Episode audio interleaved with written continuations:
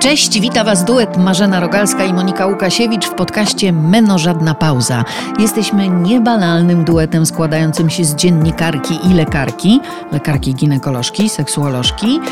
Uważamy, że o menopauzie wciąż mówi się za mało. Tak, tak, mówi się za mało, na pewno za mało naukowo, nie? My naszą wiedzę czerpiemy nie z nauki, tylko z różnych dziwnych źródeł.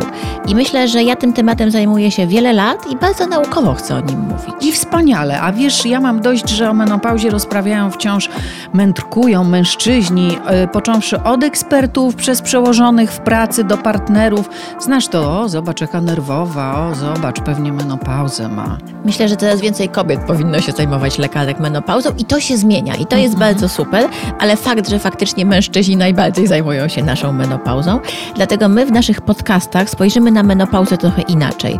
Spojrzymy na ciało kobiety, na hormony, a przede wszystkim na mózg kobiety, bo Mm. to jest ważny temat. Wiesz, co mi jeszcze przeszkadza? Że właściwie o menopauzie nie mówi się dobrze, a przecież to jest naturalny etap naszego rozwoju, który ma też swój potencjał. Dokładnie. To co, zaczynamy? Zaczynamy.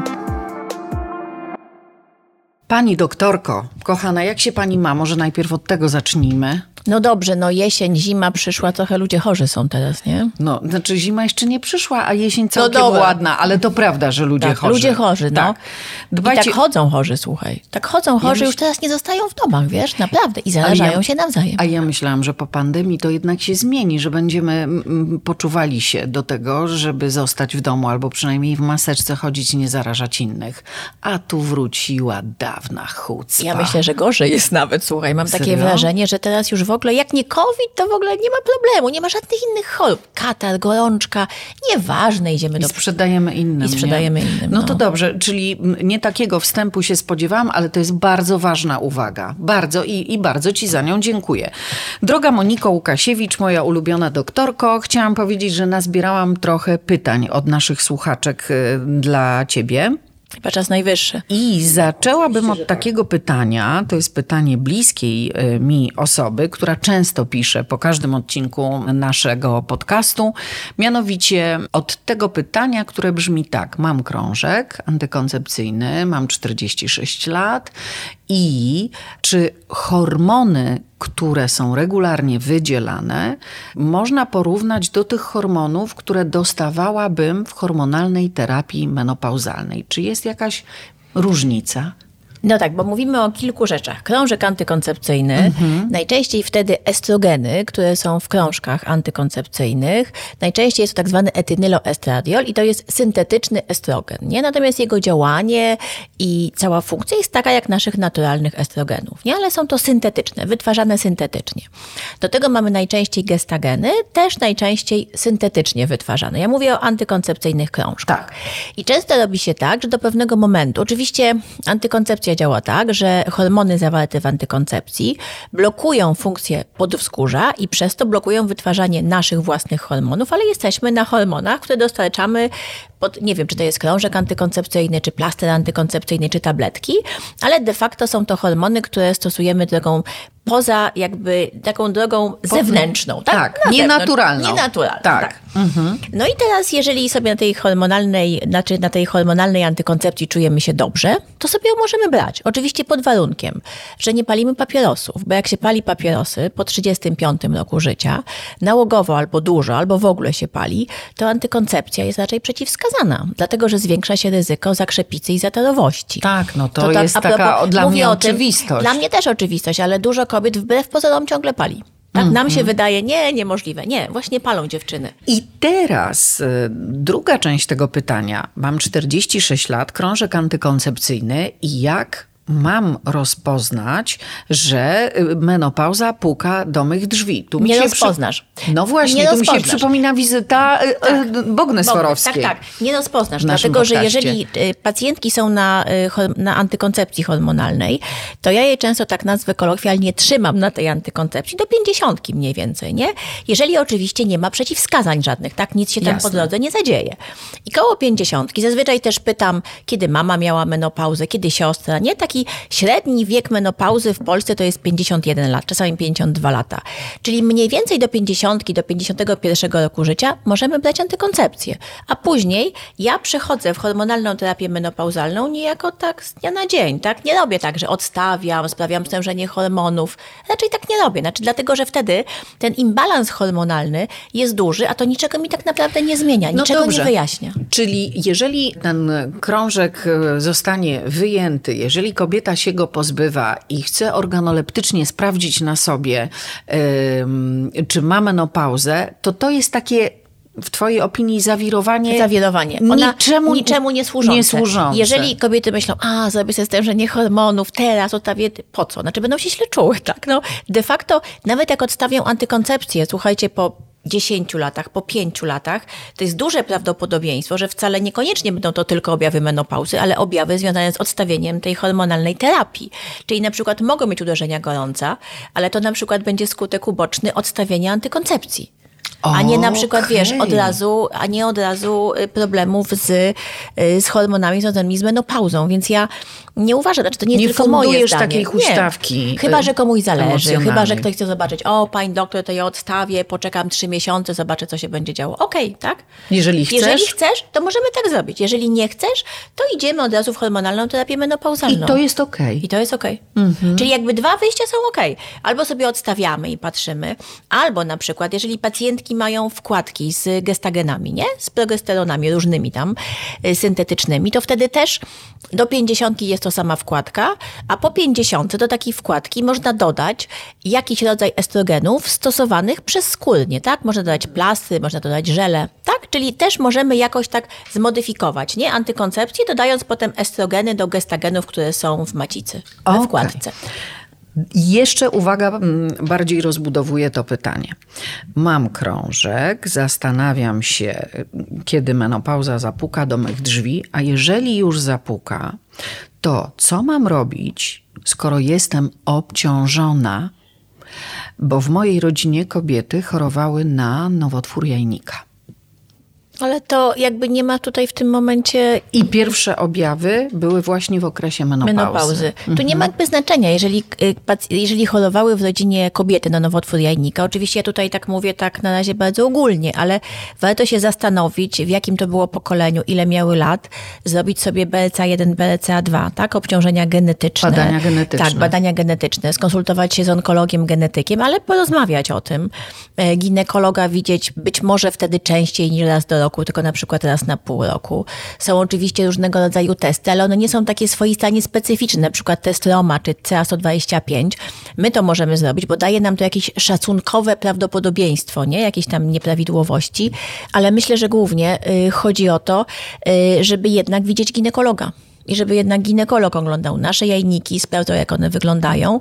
I tutaj ani hormony nie mają nic jakby do, do rzeczy. Okej, okay, w porządku. A takie rozwiązania typu pozbędę się tego wszystkiego?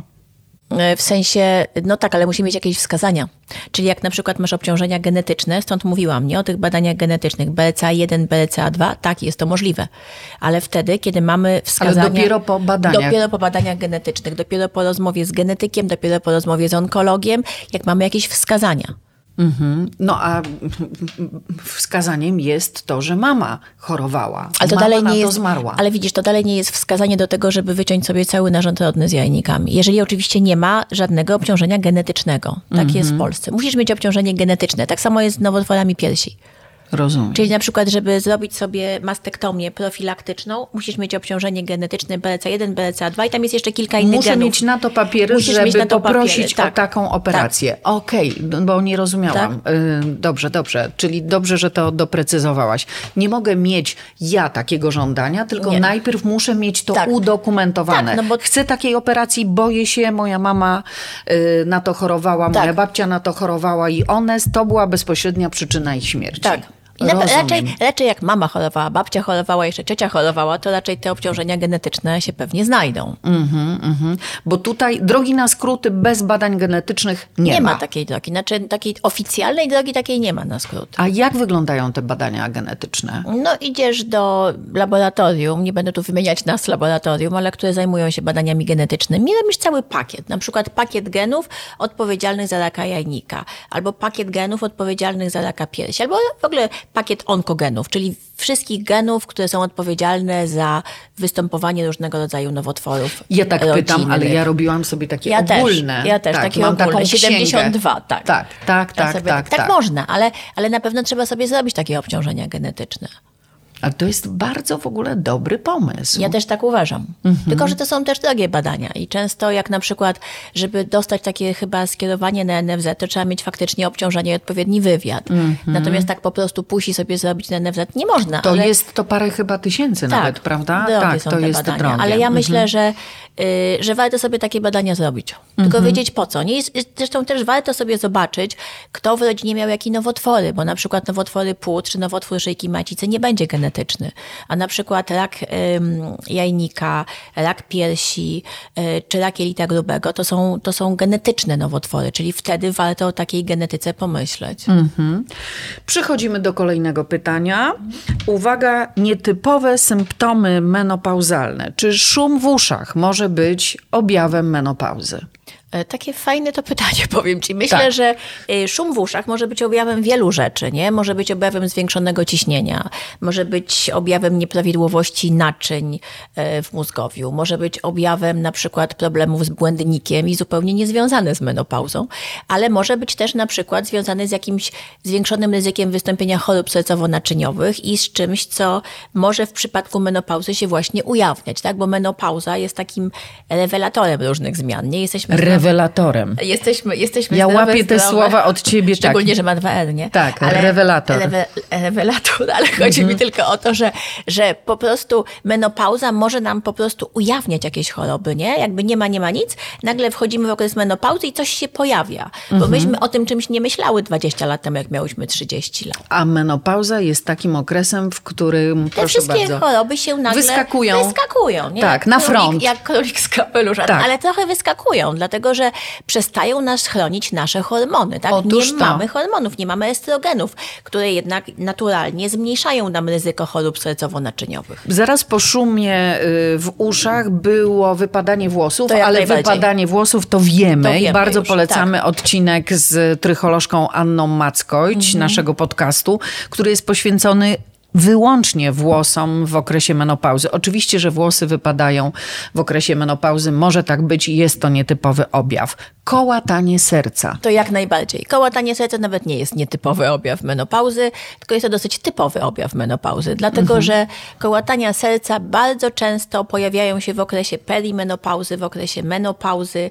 Często na przykład można zauważyć, że kiedyś na przykład można było nie przespać nocy, nie? Można było wypić butelkę wina i rano było ok. Teraz nie. W O! okresie menopauzy, perimenopauzy, jak człowiek nie prześpi nocy albo wypije butelkę wina, to jest koniec na trzy dni, nie? Ale I w ogóle tym- po co sobie to i robić? przy tym, dokładnie. Po co i przy sobie to tym, robić? I przy tym pojawiają się właśnie zaburzenia rytmu serca, tak? Mhm. One też jakby są często zależne jeszcze w perimenopauzie od fazy cyklu. Mhm. Na przykład możemy zauważyć, że ja mówię jeszcze w perimenopauzie, kiedy Rozumiem. okresy są, na przykład przed okresem mogą się pojawiać częściej te zaburzenia rytmu serca. Wtedy warto też zadbać, oczywiście trzeba pójść do kardiologa, bo być może trzeba zrobić holtera i sprawdzić te zaburzenia rytmu serca. Miałam to, biegałam, No. ale w ogóle nie przyszło mi do głowy, biegałam do kardiologa, to mam na myśli, nie przyszło mi do głowy to, że ja mogę być w okresie perimenopauzy. Bo masz zaburzenia rytmu. Bo mam zaburzenia Mhm. rytmu, tylko coś z tym sercem jest nie tak, był holter i wszyscy, no nie, no ale wszystko tu jest okej. A, a wiesz, a mnie to serce Wiem, waliło. jest bardzo nieprzyjemne.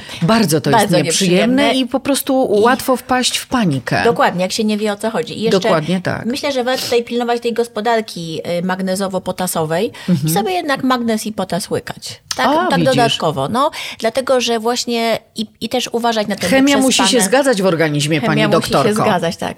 I ja chcę powiedzieć, że zwrócić trzeba szczególną uwagę, żeby nie zarywać nocy. Naprawdę. Jak Jak na przykład już wypijemy ten alkohol, to faktycznie w mniejszych ilościach, tak? Żeby fakt i, e, no i ten magnez z potasem brać regularnie. Tak? A propos tych zaburzeń rytmu serca, bo one są niemiłe, a my trochę je same generujemy. Co może potęgować uderzenia gorąca? Skoro już wspomniałaś o alkoholu. No to alkohol, to jest wróg, absolutnie. prawda? Alkohol tak, alkohol to jest wróg, czyli alkohol może potęgować uderzenia gorąca. Fast foody. Kawa, fast foody, to na pewno, ale I tu mam osobne pytanie, czy Tak? kawę można pić w menopauzie? Ależ można pić, tylko kawa oczywiście, że można pić w menopauzie, tylko co innego napić się jedną filiżankę kawy rano, nie? Pysznej kawy aromatycznej, a co innego wypić pięć kaw dziennie, tak? No i nie dość, że zaburzenia rytmu serca, uderzenia gorąca, yy, no to jeszcze problemy ze spaniem w nocy, nie? Czyli jakby myślę, że w okresie perimenopauzy i menopauzy, takiej banał powiem, no ale ważna jest,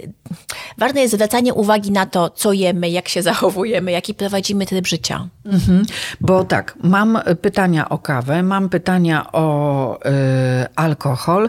Co powoduje uderzenia gorąca? Czy słodkie może mieć wpływ na uderzenia gorąca, czy słone, czy fast foody? W ogóle dieta. E, Wiesz co, dieta tak, ale ja myślę dieta jak najbardziej, y, tylko że to nie jest tak, że ja nagle powiem, tak jak przestaniemy jeść glukozę, to nie będzie uderzeń gorąca, tylko na przykład udowodniono, że pacjentki bardziej otyłe z większą ilością tkanki tłuszczowej mają większe uderzenia gorąca niż pacjentki szczupłe, nie?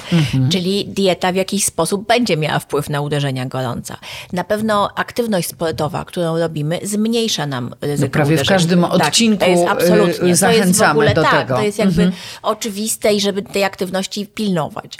Ale na przykład uderzenia gorąca będą większe, jak powiedziałam, na przykład kiedy mamy stresujący tryb życia. Kiedy na przykład y, się bardziej stresujemy, kiedy nie przesypiamy nocy, bo mamy stres, to zauważmy, że na drugi dzień będzie więcej tych objawów gorąca. Mhm. Co powodują nam nieleczone uderzenia gorąca? No, pytanie jest fajne, dlatego że też o tym trochę mówiłyśmy o mózgu. Bo uderzenia gorąca jest to jakby taka. Mhm. Ja pamiętam, ja pamiętam, No. mówiłaś, że to jest rozregulowane y, podwzgórze, Tak. termoregulacja, Dokładnie. prawda? Wow. Tak. Wow. Że zaburzona termoregulacja jest- podwzgórza i obniżony nastrój. I no właśnie, bo Jeżeli, takich- ale to jeszcze dokończę. Tak. Y, bronię się przed hormonami, nie chcę tych hormonów, nasłuchałam się różnych tam mitów, boję się, nie chcę. Jestem taka supernatural i stwierdziłam, że ja sobie poradzę drogą naturalną. A te uderzenia mnie, no mnóstwo mam takich zapytań, y, dopadają, dopadają, no i, i co? No i niszczą ci mózg. No bo to jest trochę tak, że uderzenia gorące, jak powiedziałam, to jest tylko pewien objaw czegoś, tak? Czyli to jest objaw pewnej dysregulacji. To jest objaw braku estrogenów, co skutkuje zaburzeniami pamięci, o tym mówiłam, nie? Tak, Czyli im mamy więcej uderzeń gorąca, tym mamy większe zaburzenia pamięci, mamy bardziej zapominamy, mamy zaburzenia pamięci poznawczej, ale mamy nastrój depresyjny. Czyli jak mamy dużo y, uderzeń gorąca w czasie dnia i nocy, rano zauważmy, że będzie ten dzień gorszy. Będziemy miały bardziej, y, znaczy obniżony nastrój. No, I no znowu, prostu. nic mi się nie chce. Tak, nie i mi się... wstajesz, nie masz energii, nic ci się nie chce, a więc na przykład nie chce ci się iść na sport, nie? No bo po co? No bo beznadziejnie jest w życiu, nie? Nie idziesz na sport, jesz słodycze, no bo jak fajnie, nie? No przecież No, nie idziesz na sport. daję nie- sobie na, nagrodę. Na chwilę dajesz Tak, sobie nagrodę. oczywiście. Wypijasz, uwaga, wypijasz 5 kaw dziennie, bo jesteś zmęczona cały dzień, nie? No i próbuję się I pobudzić. próbujesz się pobudzić. Czyli błędne koło. Błędne koło, koło 16. Jesteś już po czwartej kawie, trzy pączki, coraz więcej uderzeń gorąca i kolejną noc masz jaką? Nieprzespaną, bo przychodzisz do domu i co robisz? Pijesz kieliszek wina, żeby lepiej usnąć. Nie no, błędne koło całkowite. To jest całkowite Mhm. błędne koło. Czyli śmiało możemy y, osobie, która do nas napisała mm, pytanie, czy uderzenia gorąca są niebezpieczne, powiedzieć tak, jak No tak. najbardziej są niebezpieczne. No tak, tylko że teraz jeżeli nie chcemy faktycznie tych hormonów brać, za którymi ja jestem, jak nie mam przeciwwskazań, tak? Pamiętajcie. Jasne, jasne. E, Jak nie chcemy ich brać, no to właśnie spróbujmy tym trybem życia to zmienić, tak? Czyli nie pić Ale to kawy. trzeba na kilku nie frontach pić, Ale to na jednak. kilku. Nie Tak. pić kawy, nie pić alkoholu, zacząć uprawiać e, Sport. aktywność fizyczną, ale też medytować. Ja mówię o takim mindfulness terapii, czyli o takim rodzaju uciszenia mózgu. Udowodnione, że medytacja wpływa świetnie na uderzenia gorąca. Tylko, że ja nie mówię, ja mówię o takiej medytacji zdrowotnej, tak? O tym, że na 5 minut zapominamy o wszystkim i faktycznie na przykład liczymy oddechy. No i pamiętajcie akupunktura. Akupunktura. Zupeł, mówię zupełnie serio, to jest medycyna chińska jest w ogóle uznawana za y, w Szwajcarii jest normalnie refundowana i akupunktura jest w wielu miejscach traktowana jako narzędzie terapeutyczne. Ja uwielbiam I- medycynę chińską i w Chinach wiesz, jakie są apteki? Że masz po jednej Tak. stronie leki medycyny Mhm. chińskiej, a po drugiej te lekarstwa zachodnie, tabletcy. No więc akupunktura. masz ziółka, no i tu super, wiesz, jestem tak, za. tak. Jestem za akupunkturą i w ogóle za medycyną chińską, tylko ona jest trudna, bo ona jak... Wymaga jak, cierpliwości, ale czasu, dłużej, konsekwencji. ale konsekwencji. Na przykład alkohol, broń Boże, o której Tak. chodzisz spać w medycynie chińskiej, uwaga Marzena, o No tak- dziewiątej. tak jest. Jak ja usłyszałam, że ja chodzić spać o dziewiątej, ja o dziewiątej właśnie z pracy wychodzę, nie? Tak, ale tak. to jest prawda. Proszę pani, proszę sen, spojrzeć mi w oczy i powiedzieć tak o dziewiątej. Pani doktorko, o której ma pani czasem ostatnią pacjentkę? No, Dobra, no dobra. Czasem późno. Czasem jest nawet tak, że koleżanka Monika Łukasiewicz wychodzi z pracy o 23 i wtedy jest bura awantura od Rogalskiej. No tak. No tak. No tak. No więc jakby według medycyny chińskiej nie mogę pójść spać o dziewiątej, bo o 23 się muszę ciągle uśmiechać. No. Ale warto, warto jednak zrobić sobie taki remanent w tym życiu i, i niech to do nas dotrze. Ja mówię to też teraz do siebie, że zmieniło się coś. Tu zaszła zmiana. I to nie może być tak, że cały czas żyję tak samo, bo mój organizm się zmienia, moje ciało się zmienia i ja nie mogę cały czas tak samo harować, zasuwać i nie zauważać tego, że ze mną się coś dzieje, prawda? To jest prawda. Ja też wychodzę z takiego założenia i o tym też mówię, bo przecież ja też jestem w takim okresie perimenopauzy, pewnie menopauzy niedługo i y, ja sobie nawet jak coś mi się nie chce, już wam to mówiłam, nie chce mi się pójść biegać rano w sobotę, bo mi się nie chce czasem. Wiecie co, ja nie wiem, idę tam, biorę te buty, biorę te spodnie i myślę sobie, dobra, przebiegnę tylko jedną pętelkę dookoła parku, nie? Jak już zacznę biegać, to już mi jest lepiej, nie? I wracam i jestem zadowolona. No tak. Chodzi mi tylko o to, że to nie to, że musimy idealnie, nie pijemy kawy od razu, przez, zaczynamy ćwiczyć, nie pijemy wina i nic. Małymi nie, kroczkami. małymi krokami. Mhm. Dobra, Ale jednak pijmy coś kawę, robić. ale pójdźmy biegać. Wypijmy lampkę wina, ale wypijmy ją, nie wiem, raz w tygodniu albo dwa razy w tygodniu, tak? Chodzi mi o to, żeby zmieniać coś małymi krokami, tylko zmieniać. Tak Bo jest. jedną rzecz wam powiem, y, dziewczyny i faceci, że jak chcemy coś zmienić na raz i od razu, to się nie da. Ja nie wierzę w takie zmiany, że nagle wszyscy od jutra w ogóle... Nie, tak to w ogóle nie, nie. działa. To w ogóle nie, działa. Za Nie ma- dużo nie. bierzemy na głowę, Nie. w, y, jeśli chcemy coś zmienić w życiu, to to, to się nie Absolutnie udaje. się nie udaje. Powolutku. Kolejne pytanie, jakie witaminy warto brać przy menopauzie? Wiesz co, ja zawsze Nie mówię... mów mi to zależy. Nie mów mi. Nie, w ogóle nie sobie ci zależy. Chcę powiedzieć, że można brać całą mm, kupę witamin, nie całe dwie garści, tylko trzeba pomyśleć, co jest oparte na faktach naukowych. Więc tak, na pewno witamina D3, Mhm. bardzo ją polecam. Na pewno kwasy omega, na pewno kwasy omega. Mhm. O, tak. Na pewno. Na pewno koenzym Q. Mhm. I to bym brała, czyli koenzym Q, y, witaminę D3 i jak powiedziałam też o tych... y, Omega? O y, omega, ale też mówiłam o potasie z magnezem. Nie? Tak, tak, Też tak. o y, mikroelementach. I to jest coś, co jest oparte na faktach. A resztę, jak chcemy, to bierzmy, nie? No bo resztę, no to naprawdę można mówić o aszwagandzie, nie? Która jest okej, pomaga na sen. Można mówić o melatoninie, która też y, teraz ma, raz mówią, że działa, raz inne firmy mówią, że nie działa, ale generalnie melatonina pewnie trochę pomaga nam w tym śnie. Więc można brać melatoninę, ale mm, no jest dużo. Teraz się pije kolagen, tak? Czy on działa, czy nie? Ciężko powiedzieć, nie? Pijesz? Nie. Ja czasem. A ty? Ja czasem piję. Zacząć. Zamiast Ale- wina kolagen. Ale Umówmy się na kolagen, nie? Kiedyś było, no umówmy się na kolację i lampkę wina, teraz umówmy się na kolację i kolagen. nie, na kolagen, Dwa bez ko- kolacji. Przepraszam bardzo, w Jakie menopauzie. jedzenie w menopauzie? Jakie jedzenie, Jakie jakie jedzenie? jedzenie. Kolagen, koenzymku. Nie, ale to, co wymieniłam, to, to sens ma. Nie, no ja jednak nie jestem za tym, żeby całe garści witamin brać, no. W porządku, przyjmuję to. Y, I ostatnie pytanie. Mm, Kiedy I wapń zrobicie... jeszcze, przepraszam, wapń jeszcze chciałam Och, powiedzieć. tak, polecamy kości. też odcinek o Przecież, osteoporozie, właśnie. tak jest. Tak, ale to jest jakby norma. Dobrze, i teraz uważaj, przygotuj się, patrzę w Twe oczy i ostatnie pytanie brzmi. Drogie panie, kiedy wreszcie zrobicie odcinek o andropauzie?